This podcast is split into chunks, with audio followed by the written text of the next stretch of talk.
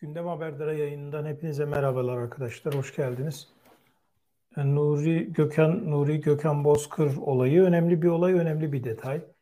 Bu detaylarıyla birlikte aslında size bu olayı tek başına ele almam gerekecek. Çünkü ciddi anlamda şu anlı ve aslında neredeyse 20 yıllık kavgayı anlatan bir olay karşımıza çıkıyor. Derin devlet olaylarının ve bugünkü devleti okumanın en önemli isimlerinden biri olacak. Ee, bu saatten sonra ve bundan sonra olacaklar konusunda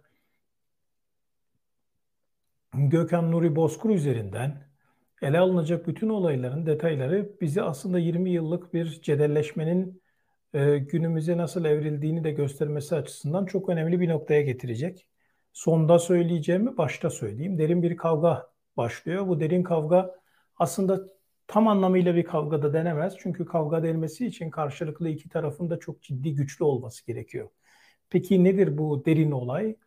Devlet içerisindeki yapılanmaların birbirleriyle kavgaları içerisinde Avrasyacıların 3'e 5'e bölündüklerini, NATO artıklarının işin içerisinde olduklarını ve muhafazakar yapıları ile aslında kendilerine milliyetçi muhafazakar diyen derin devletçiler ile yine kendilerine Kemalist diyen derin devletçiler arasında da geçişkenliklerin olduğunu ve birbirleriyle mücadelelerini anlatmıştım. Kendi iç yapılarında da bunlar vardı.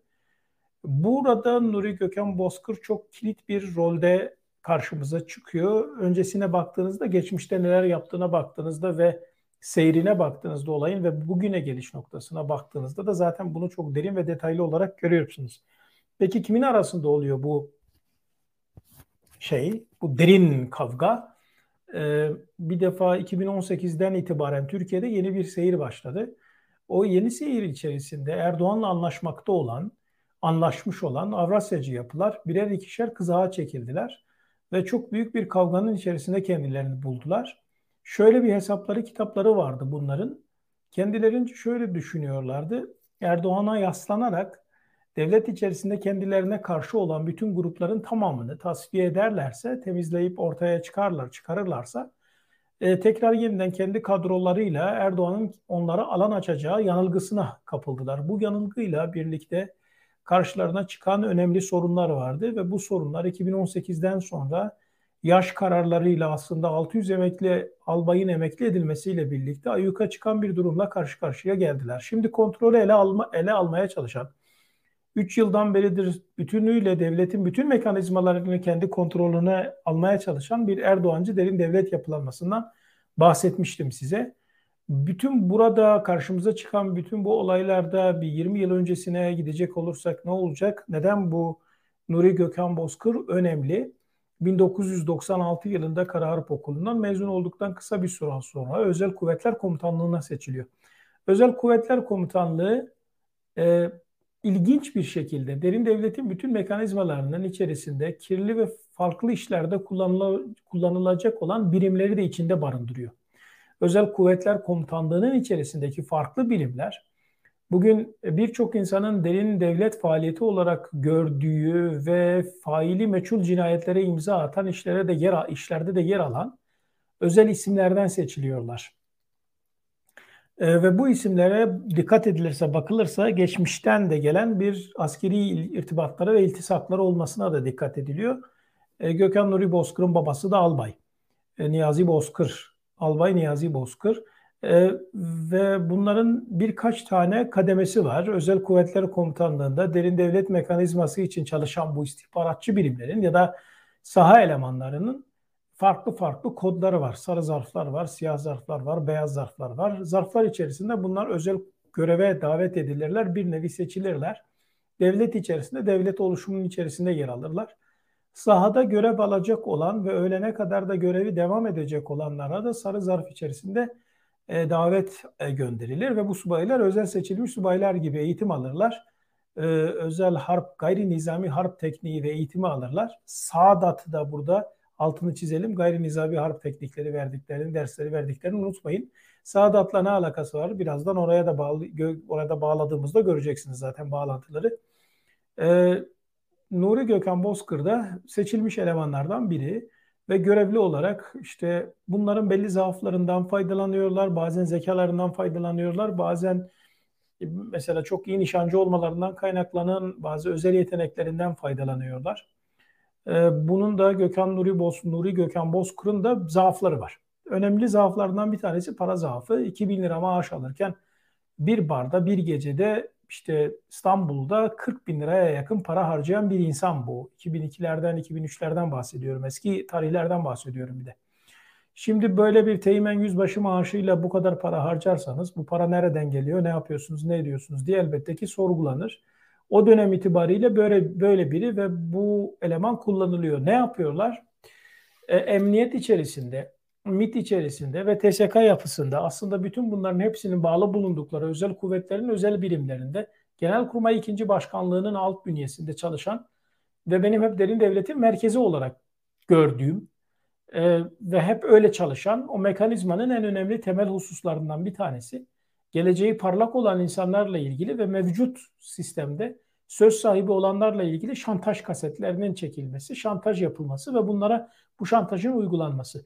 Savunma çetesi de böyle çıkıyor ortaya. İçeri, işin içerisinde emniyet var, MIT var, TSK'dan birimler var. Özel Kuvvetler Komutanlığı'ndan birimler var. Ne yapıyorlar?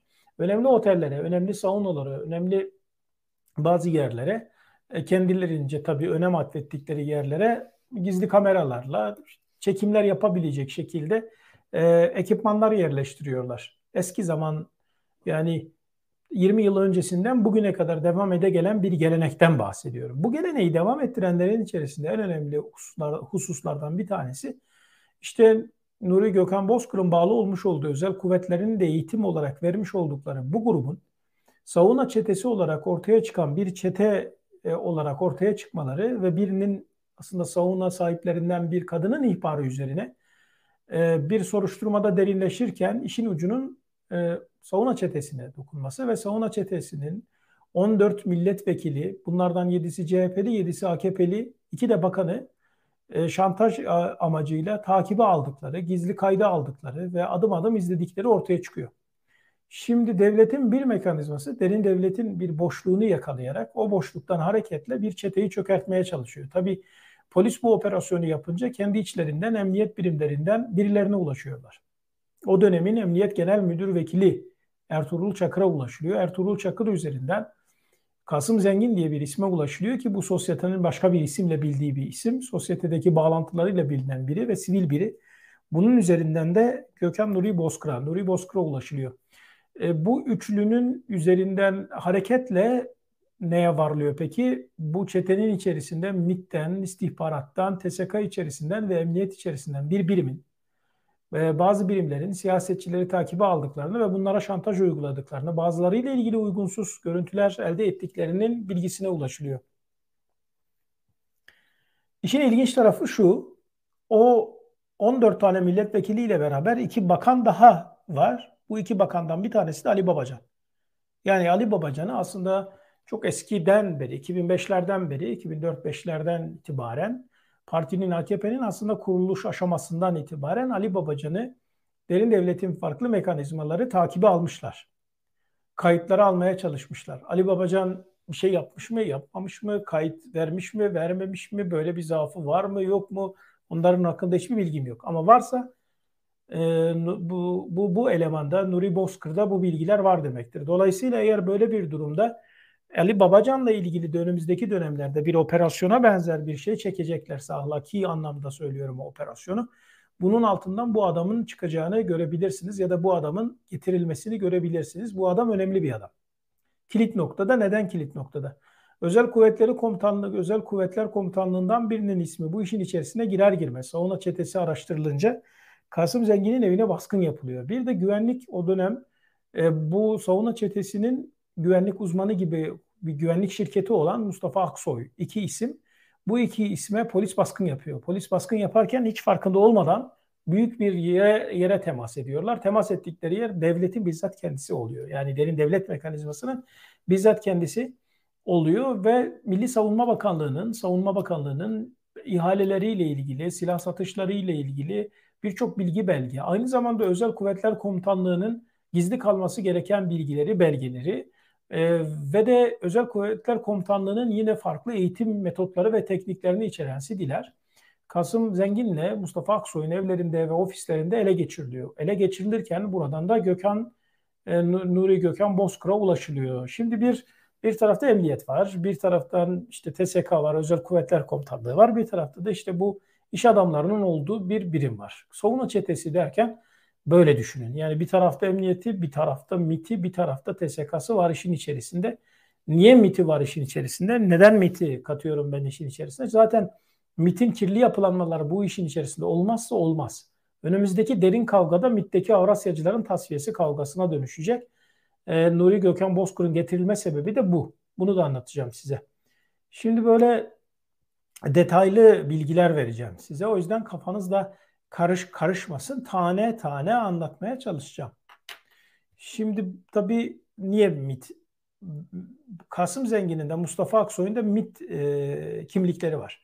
Ve bu MIT kimlikleri sahte kimlikler değil. Sahte düzenlenmiş MIT kimliklerinden bahsetmiyorum. Orijinal kendi isimlerine ait değil. Başka isimlerle yapılmış ama kendilerine verilmiş olan bir, bir şeyler. Bu e, kimlikler ve bu kimlikleri de yine aynı şekilde Nuri Gökhan Bozkır'ın tasarladığı, dizayn ettiği, onlara verdiği, MIT üzerinden alıp verdiği ve o aradaki bağı bunun kurduğu ortaya çıkıyor. Ne oluyor?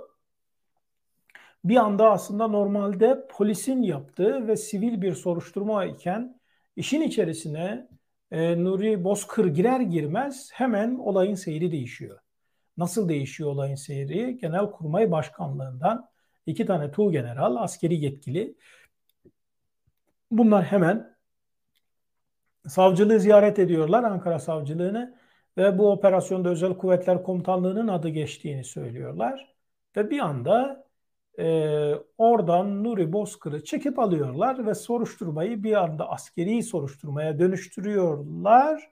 Askeri soruşturmaya dönüştürünce de gizlilik kararı aldırıyorlar. Gizlilik kararı aldırınca da hiç kimse artık ne oluyor, ne bitiyor falan bilmiyor. Orada önemli bir nokta var. Gizlilik kararı aldırılmadan önce Gökhan Nuri Bozkır'ın bazı ayak izleri ortaya çıkıyor. Nedir onlar? Ee, ifade veren bazı tanıklar Gökhan Nuri Bozkır'la ilgili çok önemli bazı detaylara ulaşıyorlar. Ve diyorlar ki Avrasyacılığın çok önemli ekollerinden olan bir ekolün kollarından olan Levent Göktaş. Hatta öyle ki 15 Temmuz'dan 6 ay sonra Levent Göktaş'ın MİT müsteşarlığına getirileceğini konuşacak kadar kendilerine güveniyorlardı Avrasyacılığın o ekolü. Ee, hem Engin Alan hem Levent Göktaş hem de Korkut Eken üzerinden e, Gökhan Nuri Bozkır'ın irtibatları ortaya çıkıyor. Oradaki araştırmalarda, polisin yaptığı, emniyetin yaptığı araştırmalarda ve istihbari bilgilerde bir silsile elde ediliyor. O silsilede Korkut Eken var işin içerisinde. Korkut Eken Levent Göktaş'la temaslı. Levent Göktaş da direkt Gökhan Nuri Bozkır'ın ya da Nuri Gökhan Bozkır'ın neyse bunun komutanı.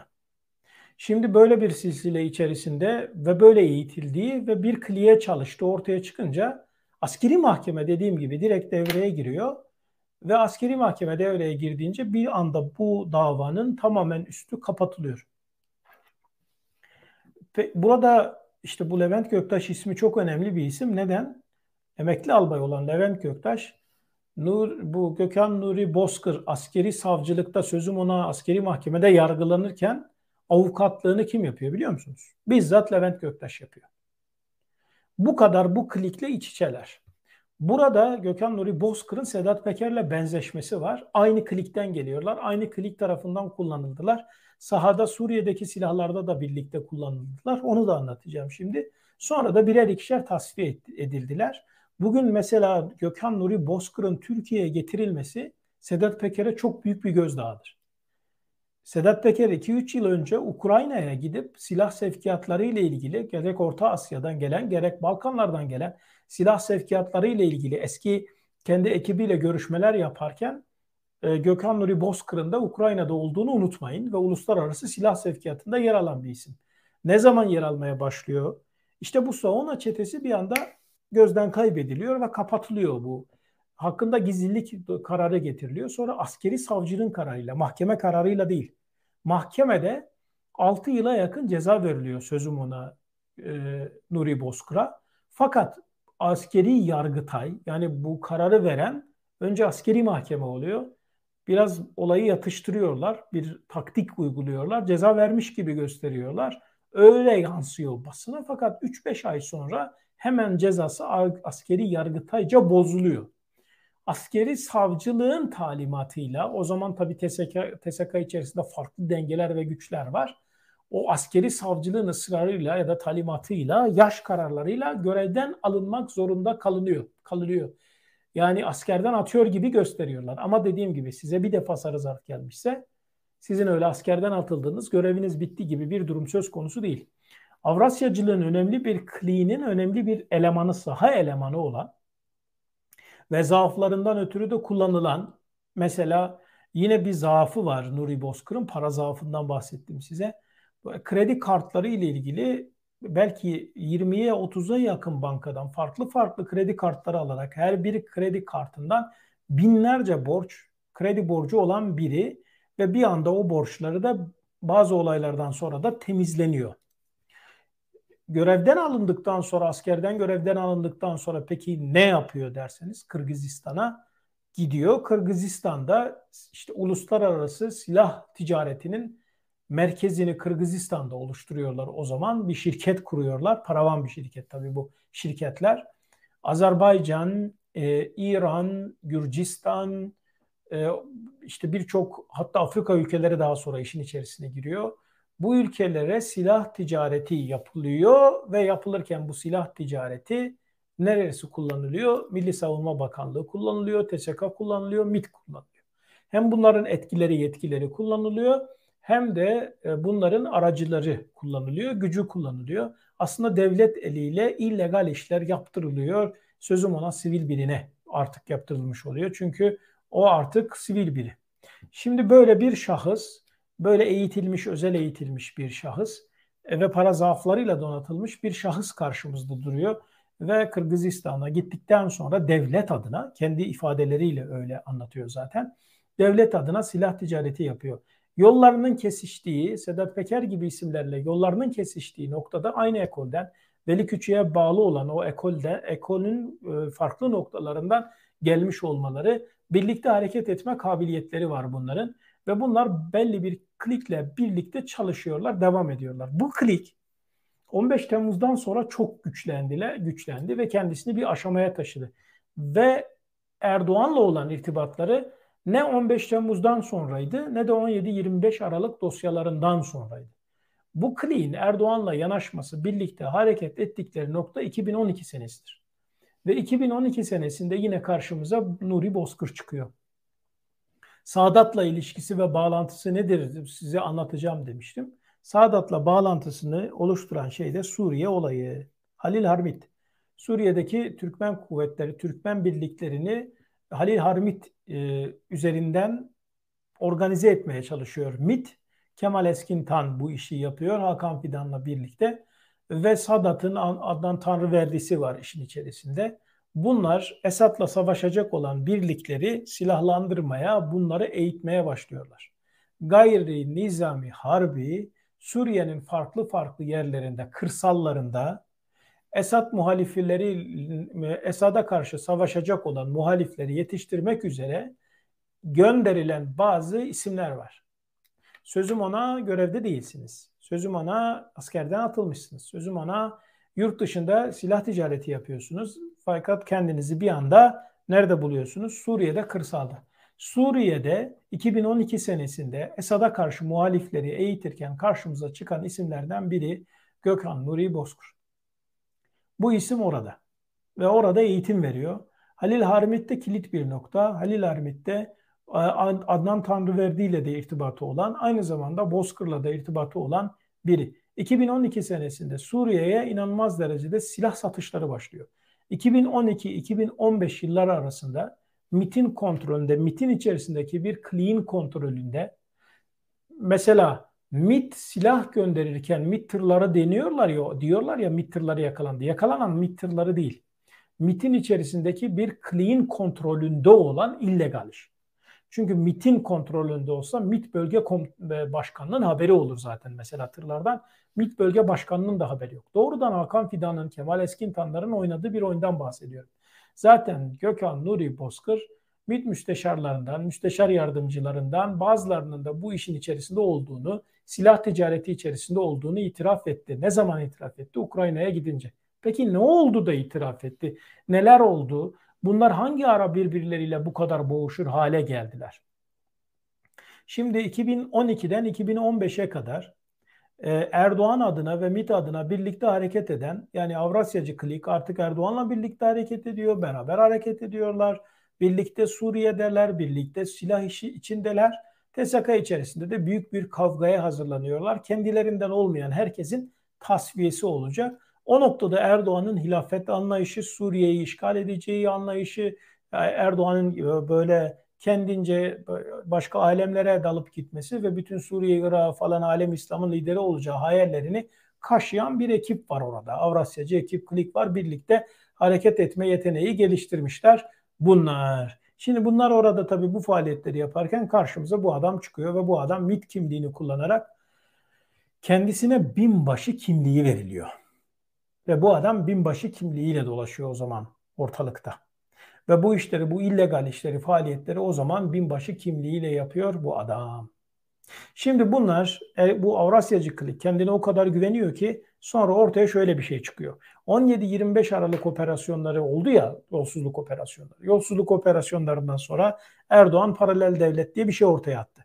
Şimdi Gökhan Nuri Bozkır ve ekibi e, özellikle bürokraside çok önemli kilit noktalardaki bürokratları gezerek savunma sanayisi çok önemli. İşte bu roket barut fabrikaları falan. Oralardaki önemli bürokratları gezerek diyorlar ki sizin isminiz paralel yapı dosyalarında geçiyor. Sizi paralel yapı dosyalarında size operasyon çekecekler. Sizi o dosyalardan biz çıkarabiliriz. Bu güce sahibiz. Ne karşılığında çıkarırız? Bize bizim istediğimiz ihaleleri vermeleriniz vermeniz karşılığında şu şu şu evrakları imzalatmanız karşılığında. Verilen evraklarını hep silah, hep işte füze, askeri malzemeler, e, patlayıcı ma- malzemeler, bombalar bunların sevkiyatı. Kim adına yapılıyor bütün bunlar yine? MİT adına yapılıyor aracı olarak kullanılıyor. Yani Erdoğan taifesinin ve Avrasyacı taifenin çok önemli bir elemanı, kilit elemanlarından biri olarak kullanılıyor Gökhan Nuri Bozkır. Fakat bir yerde ele veriyor kendisini. 2015 senesinde önemli bir hadise yaşanıyor. Akçakale'de soğan kamuflajıyla 5,5 e, ton bir patlayıcı fitil yakalanıyor ki bu işi de gideceği belli oluyor. Şimdi uluslararası silah kaçakçılığının bütün gözü oraya çevrilmişken işin içerisinde e, Avrupa ülkelerinin işte Almanya istihbaratı da işin içerisinde olunca bir anda şimdi Türkiye tarafında olsa Türkiye'nin zaten bir şey yaptığı yok.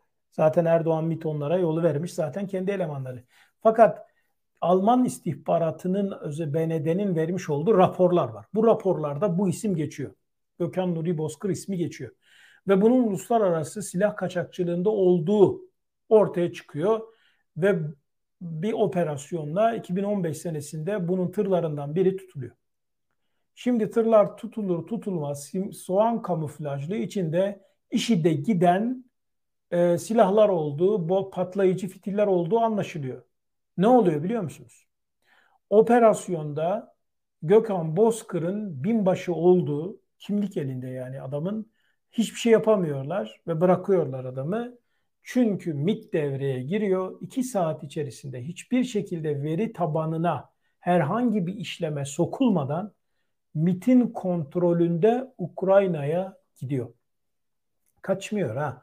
MIT'in kontrolünde gidiyor. Bugün MIT getirdi diyorlar ya. Götüren MIT. Ukrayna'ya götüren MIT. Orası kesin. O Avrasyacı ekolun önemli bir cenahı ortaya karışık bir şey çıkınca, ortalık karışınca artık üzerine gidilecek uluslararası silah ticaretinin hem Avrasyacıların hem Erdoğan'ın parmağı olan, Erdoğan kliğinin parmağı olan büyük bir operasyon. E, baş suçlu da bu. Bu ikisiyle de irtibatlı olan, iki tarafla da irtibatlı olan bir isim. Aynı Sedat Peker gibi. Çok benzeşiyorlar Sedat Peker'le. Her yönüyle benzeşiyorlar. Sedat Peker de hem Veli Küçük'ün o Evrasyacı ekolüne bağlı olarak ben devletin adamıyım, gerçek devlet benim gibi bir hisse kapılmıştı. Hem de bir süre sonra ya bunlar acaba Erdoğan bunları yeniyor, Süleyman Soylu başka bir şekilde geliyor deyip sonra da Süleyman Soylu ile iş tutan biri. Gökhan Nuri Bozkır da buna çok benziyor bu duruma ve Ukrayna'ya, eşi Ukraynalı olduğu için Ukrayna'ya götürülüyor. Götürülüyor. MIT'le götürülüyor. MIT diyorlar ya MIT paketledi getirdi. MIT alıp Ukrayna'ya götürüyor. Veri tabanını da işlemiyorlar. Gökhan Nuri Bozkır'ı. Şimdi bu eleman oraya gittikten sonra uluslararası bütün arena, bütün gözler o MIT tırlarına, daha doğrusu o silah tırına, şeye soğan kamuflajlı kamyona dönüyor, o tıra dönüyor. 2012-2015 yılı arasında 55'e yakın silah sevkiyatı yapılıyor. Her sevkiyat ortalama 2 milyon TL. 2 milyon dolar. 2 milyon dolar. Şimdi bu bütün bu sevkiyatlardan bu 50-55'e yakın sevkiyatı bir kişinin kontrolünde yapıyorlar. Bu sadece bir kalemi. İşte o bu, bu elemanla yapılan sadece bu kadar. Bunların buna benzer yani en az 20'ye yakın Gökhan Nuri Bozkır gibi elemanları olduğunu düşünün. Varın orada dönen tezgahları siz hesaplayın. Ona göre hesap yapın. Ukrayna'ya gittikten sonra bu eleman ne oluyor? 2018 senesinde ilginç bir hadise yaşanıyor. Avrasyacılar kendilerini çok güçlü artık geliyoruz gidiyoruz falan zannederken bir anda bir şey devreye giriyor. MİT'te ve TSK içerisinde ve emniyette Avrasyacıların tasfiyesi başlıyor. Perinçek başta bunları satıyor kendi ekibine Avrasyacıların birçoğu. Onu terk ediyorlar. Perinçek bunları yaya bırakıyor. Perinçek tam saray yanaşması oluyor. Bunlar ne oluyoruz ne bitiyoruz diye anlamadan bunların TSK içerisindeki özel kuvvetler komutanlığında çok güvendiği isimler birer ikişer Erdoğan tarafından tasfiye ediliyor. Sonra bunlar operasyon yiyor. Muvazzaf görevde olanların tamamı alınıyor. Bir anda dengeler sarsılıyor. Ne olduklarını anlamadığı bir süreçten geçirilirken Gökhan Nuri Bozkır'ın soruşturması Necip Hablemitoğlu'na yönlendiriliyor. Nasıl oluyor? Şimdi 2016 senesi Necip Ablemitoğlu 2002'de öldürülmüş. 2016 senesine kadar 15 Temmuz'a kadar 15 Temmuz 2016'ya kadar Necip Ablemitoğlu'nun davası, dosyası rafta çürütülüyor, bırakılıyor. Sonra 15 Temmuz hadisesinden hemen sonra Avrasyacı ekolle işte bu Erdoğancı ekolün birleşmesinden oluşan o ekol biliyorsunuz her şeyi bir ayarladılar. Bir cadı kazandı gibi oh oluşturdular bir FETÖ teranesi Doldur babam doldur. Her şey oraya doldur. Ne de olsa artık böyle bir şeyi attılar ortaya. E, Kemalisti bilmem nesi derin devlet içerisindeki o kendine Kemalist süsleri verenleri söylüyorum. Ha, yanlış anlamayın.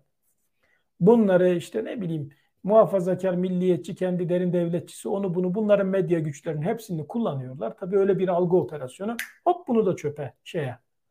Hablemitoğlu şeyini de işte FETÖ dosyası içerisinde sokup oradan soktular, yerleştirdiler. Fakat bu yerleşme ters tepiyor. 2016 senesinde bir savcı bu işi ciddiye alıyor. Necip Cem İşçimen. Yani ciddi ciddi zannediyor ki bu işin içerisinde şey var, Gülenciler falan var. Adam üzerine gidiyor. Aa buldum Gülenciler varmış falan. Üzerine giderken bir bakıyor ki ya işin içerisinde başka bir iş var. Avrasyacı ekolü Erdoğanlara onlara bunlara varan bir şeyler var yani. Erdoğan'a varan derken Erdoğan kapatmaya çalışıyor ve olayları saptırmaya çalışıyor ya. Şimdi bunları fark edince adam e, hem kendi ekolü de var işin içerisinde. Adam hemen görevden alıyorlar. 2018 senesinde aslında bu derin kavga başladı. Avrasyacılar tavsiye edildi. Avrasyacılar tavsiye edildikten sonra bu bir e, şeyle Nuri Gökhan e, Gökhan Nuri Bozkır'ın bir tanığın ifadesiyle hemen direkt soruşturmada HTS kayıtları inceleniyor. HTS kayıtlarında bunun cep telefonunun Necip Ablemitoğlu'nun öldürüldüğü sokakta e, aynı gün, aynı saatlerde e, ulaşılıyor HTS kayıtlarına ve işte onun öldürdüğü silahın e, Moğan Gölü'ne atıldığı iddia ediliyor. Yine Gökhan Nuri Bozkır'ın Moğan Gölü civarında telefon HTS kayıtlarına ulaşılıyor. Hatlar değiştirilmiş, çıkarılmış, verilmiş. Oradan Gökhan Nuri Bozkır orada Ukrayna'da iken tamamen kendini kontrolde, güvende zannederken yine aynı tıpkı Sedat Peker gibi sen oraya git koçum sessiz ol bekle. Biz seni bir şekilde kurtaracağız, alacağız dedikleri gibi ona da öyle diyorlar. O da orada beklerken bir anda kendi hakkında çok ciddi bir davanın ortaya çıktığını, Necip Hablemitoğlu cinayeti suikastının ortaya çıktığını öğrenince Onun üzerine gidildiğini ve oradan da FETÖ'ye bağlandığını e, böyle hani o, ona talimat vermiş, bu buna talimat vermiş şekilde böyle bir organizasyonda adam kendini bu işin içerisinde bulunca aslında kimler tarafından nasıl kullanıldığını, ne hale geldiğini, ne yaptığının farkına varıyor ama iş işten geçmiş oluyor. Bu eleman ne yapıyor? Ukrayna'ya iltica dosyası. İlticası kabul olmuyor. İlticası kabul olmuyor, temize başvuruyor. Temizde de kabul edilmiyor ve Ukrayna'da bekletiliyor, bekliyordu. Ve bunun yanına Avrasyacılar gidip geliyordu. Şimdi bu adam zora düştüğünü, artık kurtulamayacağını anlayınca itirafta bulundu. Bu adam neyi itiraf etti?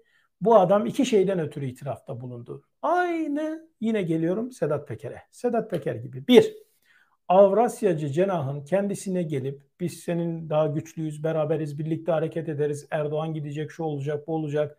Şöyle şöyle olacak. Dolayısıyla da sen bazı şeyleri söyle, anlat. Birincisi bu kavgadan ötürü 2018'de başladıkları için kavga Erdoğan'ı yaralayacaklar sözüm ona. Ve bu adam çıktı Erdoğan'ın talimatıyla, MIT'in talimatıyla, MIT müsteşar yardımcısının talimatıyla silah sevkiyatı yaptığını, Suriye'ye silah sevkiyatı yaptığını itiraf etti ve 50'ye yakın işte 49-50 kamyon silah götürdüğünü söyledi ve bunun MIT'in kontrolünde yaptığını söyledi ve kritik bir cümle kullandı. Paranın da Katar'dan geldiğini söyledi. Yani Erdoğan'ın Erdoğan'ın can damarına bastılar. Sedat Peker de Suriye'deki silahlarla ilgili dikkat ederseniz konuştu. Şimdi bu adam bunu konuştuktan bir süre sonra bir baktı ki kendisini böyle konuşturan o Avrasyacılar falanlar onların o kadar gücü kalmamış. Kendi ekipleri dağılmış ortada kalmışlar. Yandı gülüm keten helva. Ve ortada kalmış olmanın vermiş olduğu şeyle Ergenekoncular kendi bazı medya mensuplarını, kendi elemanlarını, medya mensubu görüntüsü verdikleri elemanları da Ukrayna'ya gönderdiler. Bu oda TV'ciler falan var ya. Ne tezgahçı adamlar. Yani bunları beraber işte bu işi pişirirken özetle bu herif şimdi bunu da söyleyince Erdoğan artık hani en, en hassas damarı Erdoğan'ın en korktuğu şey silah ticareti. Niye bundan korkuyor? Çünkü uluslararası arenada savaş suçlusu olarak yargın alabileceği tek şey bu. Bunu bildiği için bunun üzerine giden herkese karşı kılıçları çekiyor. Ve Erdoğan, Gökhan Nuri Bozkır'a o bilgileri Avrasyacıların götürdüğünü, onların talimat verdiğini, bunların hepsini biliyor. Çok iyi biliyor. Ya bugün diyor ya FETÖ, Hablemitoğlu cinayeti bunların durumunu şöyle değerlendirebilirsiniz. Bir halat var. Bir halat var. Halat yarışı yapıyor, çekiyorlar. Ortada da bir cehennem kuyusu kazmışlar. Bir tarafta Erdoğan var, Erdoğan herifleri var çekiyorlar. Bir tarafta Avrasyacılar hala tutulmuşlar bir ucuna. Çekmeye çalışsalar da çekemiyorlar da garibanlar. Neyse Erdoğan çekiyor habire o halatı. Bunlar o halata FETÖ adını vermişler. İki tarafta tutmuş. O da FETÖ diyor, bu da FETÖ diyor. Ama aslında birbirleriyle bilek güreşindeler. Aslında birbirleriyle savaşıyorlar. Aslında birbirleriyle mücadele ediyorlar. Çünkü FETÖ METÖ dedikleri artık bir şey kalmadığını, ortada kalmadığını kendileri de biliyor. Erdoğan bilmiyor mu Gökhan Nuri Bozkır'a bu bilgileri verenleri, konuşturanları bilmiyor mu? Onu kimin doldurduğunu, kime çalıştığını 2002'den beri bilmiyor mu? Bilmiyor olur mu? Bile bile işin içerisinde kavgayı verirken çok güzel devam ettiriyor Erdoğan. Onlar da e, şimdi Avrasyacılar da ya bu adam FETÖ diyor ama aslında e, bizi doğuruyor, bizimle e, şey yapıyor ve işin içerisinde olayda bizim elemanlarımız var diyemiyorlar. Sedat Peker'i sahiplenemiyorlar. Gökhan Nuri Bozkır'ı sahiplenemiyorlar. Kim deşifre olmuşsa onu sahiplenemiyorlar. Böyle de bir ikilem içerisindeler. Şimdi dayak yiyor bu herifler.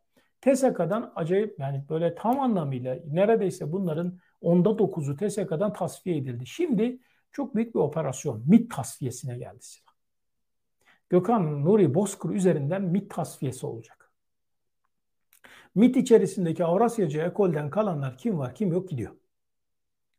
Ee, ve e, önümüzdeki süreçte Levent Göktaşlar'ın o farklı farklı birimlerin e, e, şeyin bu Avrasyacı kliklerin başka başka birimlerine operasyon yapılacağı görülüyor. Şimdi durum bundan ibaret. Yani böyle bir eleman Ukrayna'da tabii adam bunu söyledikten sonra ortada kaldı herif zaten. Sonra da büyük ihtimalle Ukrayna'daki bazı yetkililerle ciddi anlamda belki de para trafiğine girildi. Sonra da adam bulunduğu yerden getirildi. ve cidden yani zaten bilerek de ortaya koydular. Ağzını burnunu kırmışlar, işkence etmişler belli ki. Bu işkencelerin neticesinde de zaten istediklerini alabilecekleri bir eleman. Ve nereye havale ettiler? Ankara Tem'e. Ankara Tem neresi? İşkencenin merkezi. İşkenceler devam. İşkenceye devam. Şimdi bu herif zaten çok fazla işkenceye gelebilecek bir tip değil. Dolayısıyla da buna istediklerini söyletecekler, istediklerini imzalatacaklar. Bu işin sonu nereye kadar varır derseniz, bu adam üzerinden tekrar yeniden İlker Başbuğ'un tutuklanmasına kadar gidebilecek bir süreçtir bu süreç aslında. Yani devlet içerisindeki, derin devlet mekanizmaları içerisindeki kavganın bu adam üzerinden en belirgin olacağı döneme girdik. Erdoğan artık bunların dibini kazıyor, kökünü kazıyor. Yani kazanın dibini sıyırıyor artık. Çünkü hiçbir zaman Erdoğan bunlara güvenemedi, güvenemiyor. Bunların yarın öbür gün kendilerine ne yapacağını bilmiyor. O 101 amiral e, bildirisi imzalandı ya o zaman saray çok ciddi endişeye düşmüştü. O zaman o haber kaynaklarından da mesela o zaman şeyi alabiliyordum. Ya ne oluyor, ne, ne oluyoruz, ne bitiyoruz, bu bir operasyon mu, bu neyin kavgası, neyin davası diyor, diyorlardı.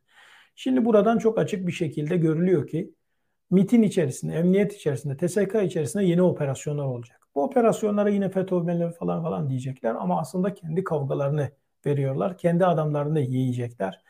Ee, ve böyle ilerleyecekler, böyle gidecekler. O da TV'den bazı gazeteciler bilmem ne daha doğrusu gazeteciler değil de bazı operasyon elemanları gazeteci kılıklı bazı operasyon elemanları da yine Gökhan Nuri Bozkır'ın ifadeleri doğrultusunda başka bir şekilde kendilerine operasyon yiyor görebilirler. Durum bu. Peki Erdoğan ne yapmaya çalışıyor bu elemanı getirerek? Birkaç taş, bir taşla birkaç kuş vurmaya çalışıyor.